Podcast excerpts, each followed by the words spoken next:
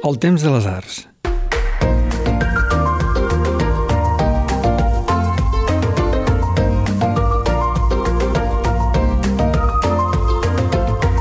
Hola i benvinguts a La Reserva, el podcast de patrimoni del Temps de les Arts. Avui, en aquest capítol, amb Marta Roqueta, investigadora de la Universitat Oberta de Catalunya, passegem, transitem pel Moco de Barcelona. La Reserva, el podcast de patrimoni del temps de les arts, amb Damià Morós.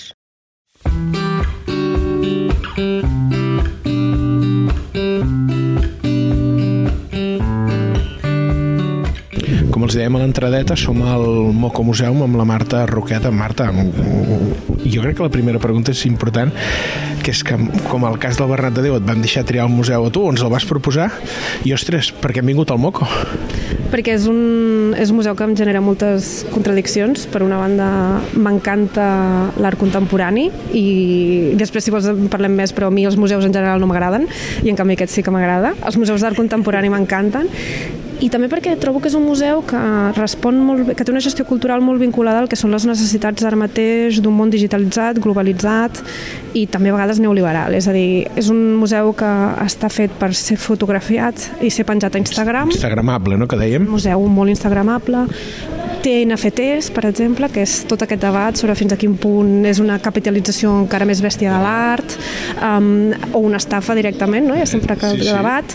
Um, a més a més, eh, apela molt a aquesta Barcelona cosmopolita, de nòmada digital i de i d'expat, no? que és una gent que pot estar, que, pot, que és, igual on visqui perquè té la seva bombolla cultural i la seva i, i tot, tot i que és, no, paradoxalment, és el que em deia, la gestió és, del museu és molt bona, és a dir, estan, en un, estan al centre, han restaurat un, un patrimoni, un edifici antic, eh, tenen una revista que és molt xula, eh, llavors és un museu i la col·lecció és molt guai, vull dir, és, és això, és, és una gestió... A més, una cosa que diu el, el crític d'art Joan Vilaboix és que mentre l'Ajuntament de Barcelona s'estava barallant i s'estava esbatussant per l'Ermitage, Sí. el Moco es va instal·lar sense fer soroll. Una iniciativa privada com l'Ermitage arriba i, i ara són, estem gravant aquest podcast, s'emetrà el divendres, un, un dilluns al matí, és dels pocs museus que hi ha oberts a la ciutat i no sé si saps dir-me quanta gent hi deu haver en aquesta sala, però jo considero que està ple. Sí, està bastant plena. O sigui, 20 persones, 30, a la que estem, sí, sí. Vull dir, que, que hi ha una gestió darrere que, que està molt bé i és això, la podem problematitzar amb la qüestió del neoliberalisme, la qüestió de la globalització, la qüestió de la digitalització, però per altra banda és que és una, és una, bona, és una bona gestió també. Eh, amb una sola pregunta has obert una quantitat de melons enorme i n'hi ha un que me'l reservo quasi pel final, que és això que no t'agraden als museus, aquí, aquí serà divertit però ostres, per la gent que no sàpigui qui és Marta Roqueta, que potser jo crec que hi ha poca gent que no t'hagi llegit o que no t'hagi escoltat, perquè sí, és cert que una presència mediàtica important tens, tot i que la teva trajectòria actual es dedica més potser cap a la cap a l'acadèmia, ostres, una pinzellada de la teva biografia per fer-nos una idea del que escoltarem al llarg d'aquest capítol? Doncs, bueno, jo vaig començar sent periodista, em vaig especialitzar en feminisme i llavors doncs, he, he fet molt periodisme d'opinió en temes de, de feminisme. He fet, també he escrit un llibre, De la poma a la pantalla, Amor, sexe i desig en l'època digital, de Pagès Editors i ara doncs, estic sent investigadora a la Universitat Oberta de Catalunya en tota la qüestió de, um, de moviments uh, digitals, xarxes socials i moviments feministes catalans i, bueno, i també sóc molt independentista i escric també sobre de colonialitat catalana. Col col colonialitat catalana és la clar, és la que hem fet nosaltres és la que ens han fet quina és aquesta de colonialitat que costa eh, la cosa catalana Doncs és una mica les dues, és a dir, és, és pensar uh, des d'un punt de vista no, català, catalanista, nacionalista català, eh, com nosaltres hem patit l'imperialisme espanyol i a la vegada ens hem, hem participat de l'imperialisme espanyol fora de les seves fronteres, no? I, i és un tema, un discurs que m'agrada molt. fora de les seves fronteres o dintre perquè l'Antonio López, tota la família dels marquesos, dels Comtes Güell, tan, tan, tants negreros, és la paraula, no? les fronteres de, de, de, De la península. de, de la península i de Catalunya, no, sí. diguéssim. Eh, M'interessa molt aquest tema perquè és veritat que um, amb, una, amb, una, escrit- bueno, amb una investigadora també molt notable com és la Júlia Ojeda eh, doncs parlem de com el discurs aquest de que els catalans hem estat esclavistes, no sé què, no sé quantos, en el fons eh, s'ha fet servir per negar la nostra, la nostra opressió eh, per part d'Espanya, no? és a dir, una, sota aquesta idea que una persona que colonitza no pot ser dominada, Sí. no pot ser colonitzada, no? I, i això és una cosa que, que és molt interessant, no? Perquè ha servit això, no? Per negar una mica, eh, per negar-nos paraules sobre com definir la nostra pròpia opressió en relació a l'estat espanyol. I això encara a dia d'avui ho trobem present, és a dir, no trobarem negreros eh, des del port de Barcelona, o, o potser sí, eh, ja ho desconnecto totalment, però aquestes aquest joc d'opressions, perquè potser encara algun català quan va a Mallorca té la sensació de que es troba en un imperi, perquè diu, mira, he passat una illa i estan parlant la meva mateixa llengua, es segueix exercint en, en casos des de fora cap aquí i des d'aquí cap a fora? És és un tema que pot passar-se a l'actualitat, al colonialisme? Sí, totalment, perquè o sigui, uh, una de les grans... O sigui, ja d'entrada la societat catalana és una societat racista i a més a més és una societat que està, està patint no, els efectes de l'espanyolització. I això també s'hi suma i per això també m'agrada estar al, al Moco Museum un altre tipus de, de colonització que és el d'aquesta globalització cosmopolita en el qual els estats-nació amb una llengua forta, no, com és l'anglès, com és el castellà, doncs, el francès, doncs, doncs s'articulen aquesta mena de cultura global absolutament eh, occidentalitzada i el, tot el que és eh, la cultura i els idiomes que no, que no es consideren universals són localismes més aviat tribals, més aviat irracionals, poc moderns, Peça de museu? peça de museu. Per això de vegades els museus a mi tampoc m'agraden gaire. Clar, i, i m'agrada que ho diguis perquè estem en una sala on la majoria de noms són anglesos, japonesos, eh, americà, veiem el Basquiat, la Kusama, eh, peces de Warhol, i de cop, i clar, i de cop trobes un Dalí. Llavors, què estem davant de, de, de, de l'excepció que confirma la regla? i a més de l'excepció feixista no? que confirma la regla i, tam, i sí, això és una cosa que quan, que quan abans fèiem la tertúlia prèvia eh, parlàvem de, de que a mi m'agrada molt l'art contemporani i els museus escandinaus i una cosa que m'agrada molt dels museus escandinaus és que, per exemple, d'un Louisiana Museum, el que sigui, és que t'hi trobes obres d'autors d'allà. I, I això també m'agrada, no? És a dir, jo crec que moltes vegades el que ha passat aquí a Catalunya i sobretot a Barcelona és que hem entès la modernitat com renunciar a la catalanitat. I en canvi, en altres països, fins i tot jo he estat tres mesos vivint a, a Portugal i allà no, ho veus molt. És a dir, fins i tot en el tema de... Tot i que ells tenen també la seva pròpia història de colonialisme, no? de les colònies Brasil i, bueno, i, i Macao... Angola, Angola no? els països africans que van colonitzar.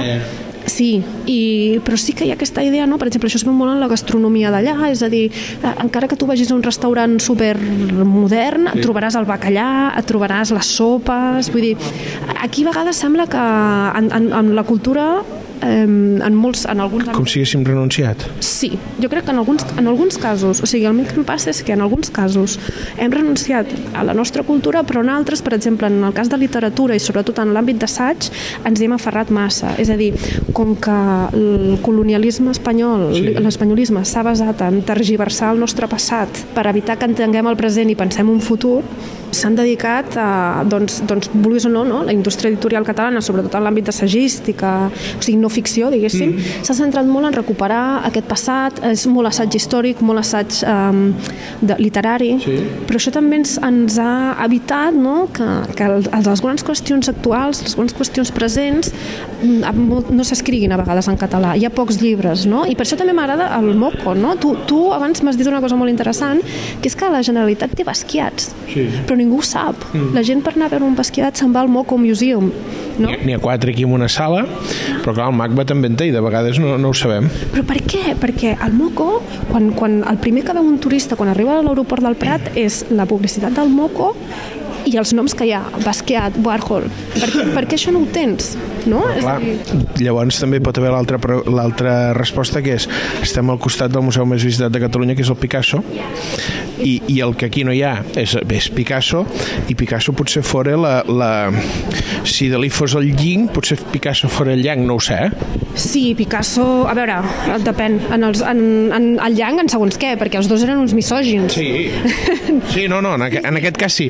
Parlar en aquest moment més, més consciència política potser no, d'un i de l'altre. No, el, el tema del Guernica, no? que està a Madrid i això a Picasso no li hagués agradat gens que estigués en una, en una monarquia posada per, per, per un dictador, el dictador que ell tant va, va odiar però sí, és a dir, jo trobo que ens hem de creure molt més, ens hem de creure molt més, i perquè el passat importa, però el present i el futur també, i a vegades sento que a Catalunya ens estem ens estem deixant, estem, eh, o sigui, estem fent una cosa que és absolutament raonable, no? que és que quan t'intenten putinejar el passat, evidentment tu el vols recuperar, i això és fonamental, la memòria és fonamental, um, perquè l'espanyolisme s'alimenta d'amnèsia, però jo sí que crec que de vegades cal uh, mirar el present i el futur, i a mi, hòstia, m'agradaria que, el, que els museus d'aquí també tinguessin aquest orgull no? i aquesta voluntat d'obrir-se al món, com per exemple en aquest cas té, té el Moco, per exemple. Llavors potser una de les coses que ens falla com a país fora explicar-nos no sé si a l'exterior o no, però primer nosaltres mateixos i l'altre és tenim aquells referents per fer-ho? Igual que sempre parlem, ostres, les dones artistes els museus han d'exposar més dones. I és un tema que s'està abordant. No sé si veu malament però s'està abordant.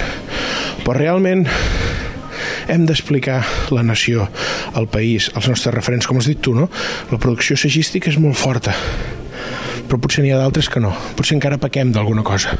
Pequem de poc orgull perquè hem de poc orgull, perquè aquesta, aquesta mania, no? això les dones, per exemple, a mi m'agrada molt vincular feminisme i nacionalisme, entre altres coses perquè sóc una dona uh, in, independentista i per tant i nacionalista, i nacionalista, perquè no dir-ho, i mm, la veritat és que mm, sí, és a dir, jo crec que és això, és orgull. A vegades no t'has d'explicar, a vegades has de ser. I, i perquè al final el que, el que, el que l'Estat no li agrada eh? és que tu siguis. Tu és que tu siguis. No, no, o sigui, allò que diuen de no, estem fent enquestes i veiem que TV3 és la més plural.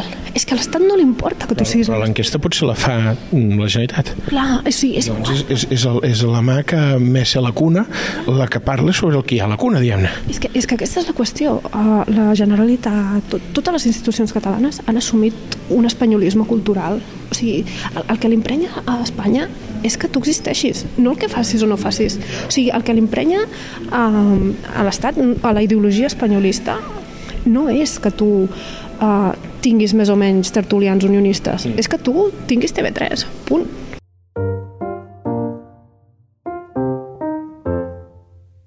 Esteu escoltant La Reserva, amb el Damià Amorós.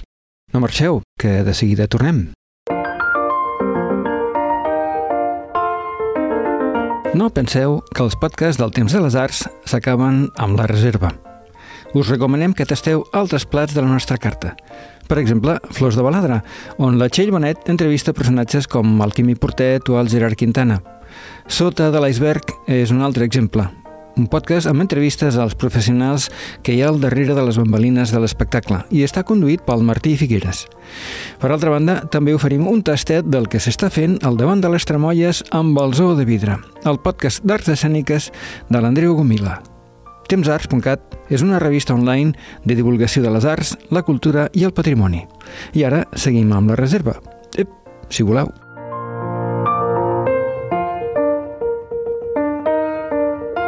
I amb l'estat que el tenim ara mateix, no?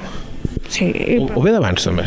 No, sempre, sempre ha vingut. El que passa que ara es veu més perquè TV3 era una institució que, que va néixer amb l'època ja pujolista en què Catalunya, el pujolisme era adaptar la cultura de la transició a Catalunya. Sí. Llavors, clar, ara aquesta, aquesta cultura de la transició a Catalunya ja a partir de l'1 d'octubre no, es trenca. Llavors, clar, TV3 no, no sabem on va perquè el, el país no sabem on va. En el moment en què el país sapiguem on va, TV3 ja sabrem on, on va TV3. És a dir, és un efecte dominó. Sí, clar. O sigui, TV3 era... És, és, no, no, o sigui, és, un, és un receptable que serveix per alguna cosa, per un projecte de país. En el moment en què sàpiga... Era un instrument de país. Sí. En el moment en què... Aquest... D'aquelles estructures d'estat que dèiem, no? Clar. En el moment en què hi ha una altra ideologia diferent, TV3 l'has de repensar, és a dir, la ficció autonomista s'ha esbarlat I ara estem en, en aquell moment en què no saps cap a on tirar. Per tant, TV3 no sap cap a on tirar. En el moment en què tinguis un projecte de país una altra vegada, TV3 s'hi adaptarà o potser arribem a la conclusió que ja no necessitem TV3 i necessitem una plataforma digital o no sé què. I per això censura? Uh, jo crec que... És el primer moment que estàs pensant molt fort les coses, eh?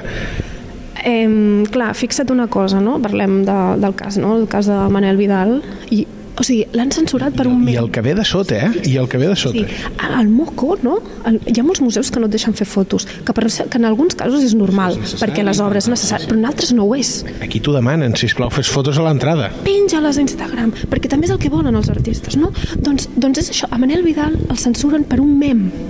Però és que el més fort de tot... Que no ha fet ni ell. un mem que no ha fet ni ell, que és un mem que en la cultura digital, però també en la cultura millennial, en la cultura zoomer, eh, s'entén. És el públic en què va dirigir-se, suposo, el programa. programa en- entenen perfectament que tu no estàs dient nazi a ningú però més hi ha una altra cosa que és que TV3 ha donat, va ser de les primeres cadenes que mitjançant el fax va donar veu a nazis perquè va donar veu a Vox abans que fos un partit polític amb representació al Congrés per tant ens trobem amb aquella amb aquella contradicció en què tu no vetes els nazis però vetes algú que en algun moment ha fet una broma que tothom entén, que, qual- que qualsevol persona, que el públic del programa el que fa entén que no s'està dient nazi a ningú i vetes aquesta persona que més fa unes reflexions que és molt interessant perquè tornem al mateix que dèiem de l'espanyolisme. Ficar-se en Vox és fàcil sí. perquè és l'enemic dèbil. Sí, sí, ficar-se amb el PSC i el PSOE no és tan fàcil perquè és l'enemic fort o sigui, a l'extrema dreta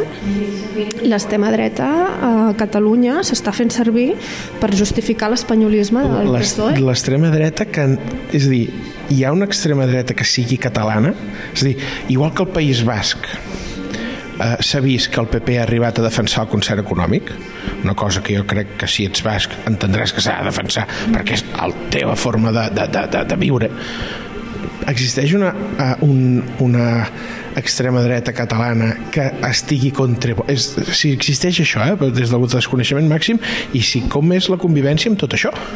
L'extrema dreta catalana existeix, però és molt petita. I és el que dèiem. L'esquerra, l'extrema dreta catalana no ha sortit mai a TV3. L'extrema dreta espanyola sí, Sí, sí, sí, que ha sortit, sí, sí, i bastant. Llavors, clar, eh, per què? Perquè l'extrema dreta espanyola, en certa manera, és útil al poder autonomista i, i espanyolista, perquè mentre tu estiguis pendent de l'extrema dreta, um, acceptaràs no? el- el- l'opressió espanyolista del que t'ofereix el PSOE. El PSOE és el rival fort, és l'enemic fort a batre a nivell d'estat. En canvi, el, el, el PP té una altra funció. O sigui, tots els partits espanyolistes tenen una funció. I, en el fet, i és molt divertit, perquè en el fons el, el, que, el que va fer el, Man- el Manel Vidal en, en aquell mem de l'esbàstica és dir una frase que Ramon Grossfogel que és un, és un acadèmic sí, postcolonial, va dir en el seu dia, que és que en la qüestió de Catalunya tots els partits espanyolistes són extrema dreta. Per tant, o sigui, a mi el que també em va agradar molt de, del, del gag de Manel Vidal és que agafava un concepte teòric que si t'ho diu Ramon De Grossfogel... l'acadèmia, no? L'acadèmia, que si t'ho diu Grossfogel tothom l'aplaudirà i dirà, oh, si no sé què, i ell ho va com democratitzar, no? Va agafar un programa i va fer, això és un mem, no? Que és una mica també el que tornem, el que fa el moco, no? És a dir, t'agafa un art i te'l i te'l bueno, i te'l posa molt accessible perquè facis fotos amb Instagram, facis no sé què, això també m'agrada. Clar, els nostres oients segur que han notat el canvi de so. Estem en una d'aquestes instal·lacions formada per una pantalla no? I, un, i, i vidres, és a dir, inviten a fer-te fotos. Potser, potser la solució és que ens envaeixi Andorra i tot serà més fàcil si un estat eh, amb la nostra llengua amb un organi... Bueno, sí que és veritat que el problema d'Andorra potser és un altre, no? És l'avortament, no, no pots avortar Entre tot. d'altres... racisme Sí. allà, o sigui, hi ha un racisme molt fort. Mira, estem a la sala dels NFTs, que és molt interessant perquè uh, els NFTs um, el, el mateix Moco te'ls pinta com una forma de democratitzar l'art És tot el contrari. en el sentit en què els artistes posen el preu ells i no depenen de les, de, de les grans estructures, de les galeries i tot això. i, i és curiós, no?, perquè una mica és aquesta idea que ens ha volgut vendre Silicon Valley, no?, de, de com... De com... Si tu mateix. Sí, fes-t'ho tu mateix, però amb les meves normes. No, em recorda a quan, a quan va haver-hi tota aquella polèmica en què una sèrie de, de hackers o de gent més del, del món aquest digital va començar a, a trolejar Wall Street, no? Comprant, uh, comprant sí. accions i tot això. I era un i era un no, no, o sigui, els dos representeu una, o sigui, és el, un, és... és el vell ordre liberal contra el nou ordre neoliberal i una mica els NFTs també en certa manera és, és aquesta, aquesta lluita, no? aquest conflicte entre una forma de, de privatitzar l'art com és les galeries contra eh, una forma nova de, de, de privatitzar l'art d'una altra manera que són els NFTs. I ara potser tornem a entrar en una d'aquestes sales Studio Matrix o no sabem bé com li diuen. No sé si t'atreveixes a descriure, Marta, on som ara mateix. Som en una sala que està plena de miralls i llavors hi ha una sèrie de diamants eh, mm, com distribuïts al llarg de la sala en què evidentment com que tot està cobert de miralls doncs veus una infinitat de diamants de diversos colors, vermells, eh, verds i clar, és una sensació de finitud i, i bueno... Instagramejable moltíssim. Aquest és un dels que més surt, sí. És un dels que, és un dels que més surt. Perquè tu deies al principi, aquesta Barcelona que, que vol ser cosmopolita, però també dels apàtrides, no? d'aquesta gent que, que pot viure a Barcelona, pot viure a París, pot viure a Nova York, potser no tant en una ciutat que tingui molta personalitat, però hem passat per una sala que es pot convertir en una de les icones de Barcelona en, els proper, en aquest proper any, potser. No sé si es convertirà en una icona o no, perquè, per exemple, la, la Sagrada Família també és molt, molt instagramejable, no? sobretot els vitralls, llavors Eh, però sí, és a dir, és, bueno, ho està sent, eh, aquesta, aquesta sala que hem pensat. Sí. És, és una de les coses que la gent pensa quan, quan veu el moco. Sí. I crec que hi ha un tema molt important, que també és el que tenim davant, que és una obra de, de Mungo Thompson, que és una, una portada de, del Time. Sí, que és... I hi ha un mirall. Llavors, clar, estem dient la singularització de l'individu a través d'un recurs que és dels més clàssics del segle XX, que és el paper? És a dir, què estem trobant aquí? Una simbologia eh, americana, òbviament, però també de, de l'individu, de la persona?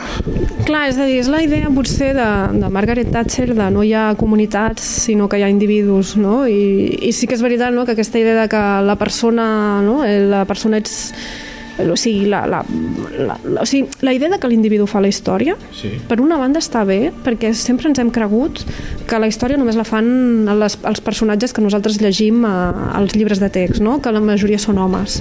Llavors, llavors arriba un moment que, que també aquesta idea de dir no, no, tu tens el poder, està bé, perquè precisament una de les coses que, que tenim ara és que, no, com deia la Marina Garcés, mm -hmm. estem en un moment de d'analfabetisme il·lustrat, és a dir, la gent és molt culta, però la seva capacitat d'acció política, d'incidència política, sembla molt petita. No? Al revés de, de, de Carles III amb el despotisme il·lustrat i els Borbons al 18. Sí, o sigui, abans tu per, um, per debilitar la gent la feies inculta, sí. però ara no, sembla que la, la culturalitzes molt perquè, per, per crear aquesta fantasia de coneixement i per tant de dominació. No? Llavors, per, mi, per això és tan important el, el, el monopoli sobre els mitjans de producció d'aquesta cultura. És el que deia Eka i Cancela, que em va semblar molt xulo, que deia clar, tot el coneixement ara moltes vegades s'accedeix per internet. Per tant, em, estem dient que el portar i l'internet és privat. Sí. Per tant, la privatització al mercat són el que marca l'accés a l'art, al coneixement, no sé què. Llavors, per una banda, la idea aquesta d'individualitat està bé en el sentit en què et recorda que tu tens poder, mm però, clar, és el discurs que hi ha sobre aquesta individualitat perquè al final la, el que vol Silicon Valley és que utilitzes la teva individualitat per donar-li diners a ells i perquè ells tinguin un monopoli, no? perquè ells acabin sent un règim tecnofeudal. NFTs. NFTs, vull dir, que a més NFTs és una cosa que és que no tens ni l'obra, tens el certificat que diu que ets... O sigui, és, és una fase molt perversa del capitalisme, que és aquesta idea de que ja no compren, ja no compren coses físiques, Clar, compren cap, conceptes. Capitalisme o tornar a donar al notariat del segle sí, 14. És, que és una cosa que jo a vegades penso de dir, ens estem, potser és que estem cada vegada més anant cap a una cosa que ja no és el capitalisme, que és un feudalisme, no? que és aquest tecno, tecnofeudalisme, però també a vegades, quan, per exemple, en el tema de llibertat, que es parla molt, no?, de la llibertat d'expressió, no sé què, jo penso, però és que la llibertat d'expressió sempre s'ha comercialitzat. És a dir, en el, moment, en el moment en què tu poses preu a una obra d'art, Ja està. ja estàs comercialitzant. Amb el tema de Twitter, per exemple, Elon Musk es va presentar com el garant de la llibertat d'expressió. Clar, ell estava utilitzant, per ell, aquella llibertat d'expressió de Twitter és com el cotxe de Tesla, mm. és com les criptomonedes. És a dir, és una forma de, de, de, de, d'ampliar el seu capital. Llavors, a mi també, no?, que parlàvem també de, de què passa quan els, just, els activistes climàtics s'enganxen a, la, a les peces d'art, Sí. no? I a mi això m'encanta el que fan, perquè hem tingut hem, a Occident, vale? jo sempre dic que el Just Stop Oil és la nostres, les nostres cari les caricatures de Mahoma del món occidental. És a dir, hem sacralitzat l'art, hem sacralitzat la llibertat d'expressió, hem sacralitzat eh, l'humor, hem sacralitzat Sí. sí. una sèrie de coses, la filosofia, la ciència, i, i, i, això, i l'amor, no? que això ho diuen Bell Hooks i Carrie Jenkins, i nosaltres fem aquestes sacralitzacions per blindar les, els sistemes d'opressió que, que generen. És a dir, i al final que una cosa que fa molt interessant els activistes climàtics és dir-te, no, no, l'art, o sigui, el dia que la humanitat s'extingeixi, ni, ningú apreciarà aquest art, perquè no hi haurà ningú que l'entengui, no hi haurà ningú que el. Lògicament no hi haurà ningú. Exacte, no hi haurà ningú. O sigui, un animal veu aquesta obra que tenim ara davant I s'hi pixaria, segurament. i pixaria sobre... Sí, perquè més és com així metàl·lica, en post, vull dir, li encantaria per pixar-se un gos, o sigui, s'hi pixarà en aquesta obra segurament. Per tant, l'art sense l'hu- l'humà no és res. O sigui, nosaltres ens hem cregut que l'humà sense l'art no és res, quan en realitat l'art sense l'humà tampoc és res. És a dir, és una mica... A mi m'encanta la filosofia posthumanista de Judy Bachman i de totes aquestes que diuen que, que la relació entre la persona i la tecnologia la perso és, és de mútua constitució. És a dir, tu signifiques la tecnologia, però la tecnologia et significa tu, no? I el que ha passat amb l'art, la ciència, és que nosaltres ens creiem que ens significa. Però hem oblidat que, que nosaltres som qui donem... La fem? Clar, és a dir, eh, som nosaltres, no? La- Els que també... I per això també hem sacralitzat tant l'autor, home, perquè ens creiem que és ell qui Ah, quan, té... quan diem anònim, moltes vegades això ho diem, no, als museus, segurament hi ha darrere una dona que desconeixem. Sí, sí, i, i, i això, feina la feina, per fer. i, i, i també no, en, això es veu molt en la prehistòria, és a dir, les, les, les típiques Venus eh, que, que són... Hi havia gent que deia, no, no, escolta, és que aquestes Venus amb la panxa grossa, que no tenen cara i tenen els peus petits, diu, això és com es mira una dona embarassada a si mateixa, Sí, no? sí, sí, sí. Clar, llavors, arriba, per què aquesta teoria em sembla absolutament descabellada i la teoria d'un home, un home sortit va fer una foto, vull dir, ai, va fer una foto, va fer una escultura, eh, no? Perquè, sí, sí, vull dir, sí. al final és com, vale, per què una hipòtesi no és plausible? I és què no l'altra? És com la majoria de coses que diu, objectes rituals, i diu, segurament això eren joguines de nens. Sí, per rascar-se l'esquena.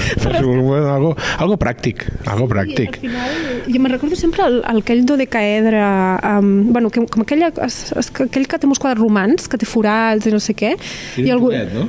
O no, i, o per cosir. Vull dir, coses que a vegades dius, hòstia, doncs potser podria ser això. Era domèstic i, i no hi pensàvem en això domèstic. Ritual, clar. ja, ritual. Dius, és, eh, Potser és una maquineta per treure punta, tio.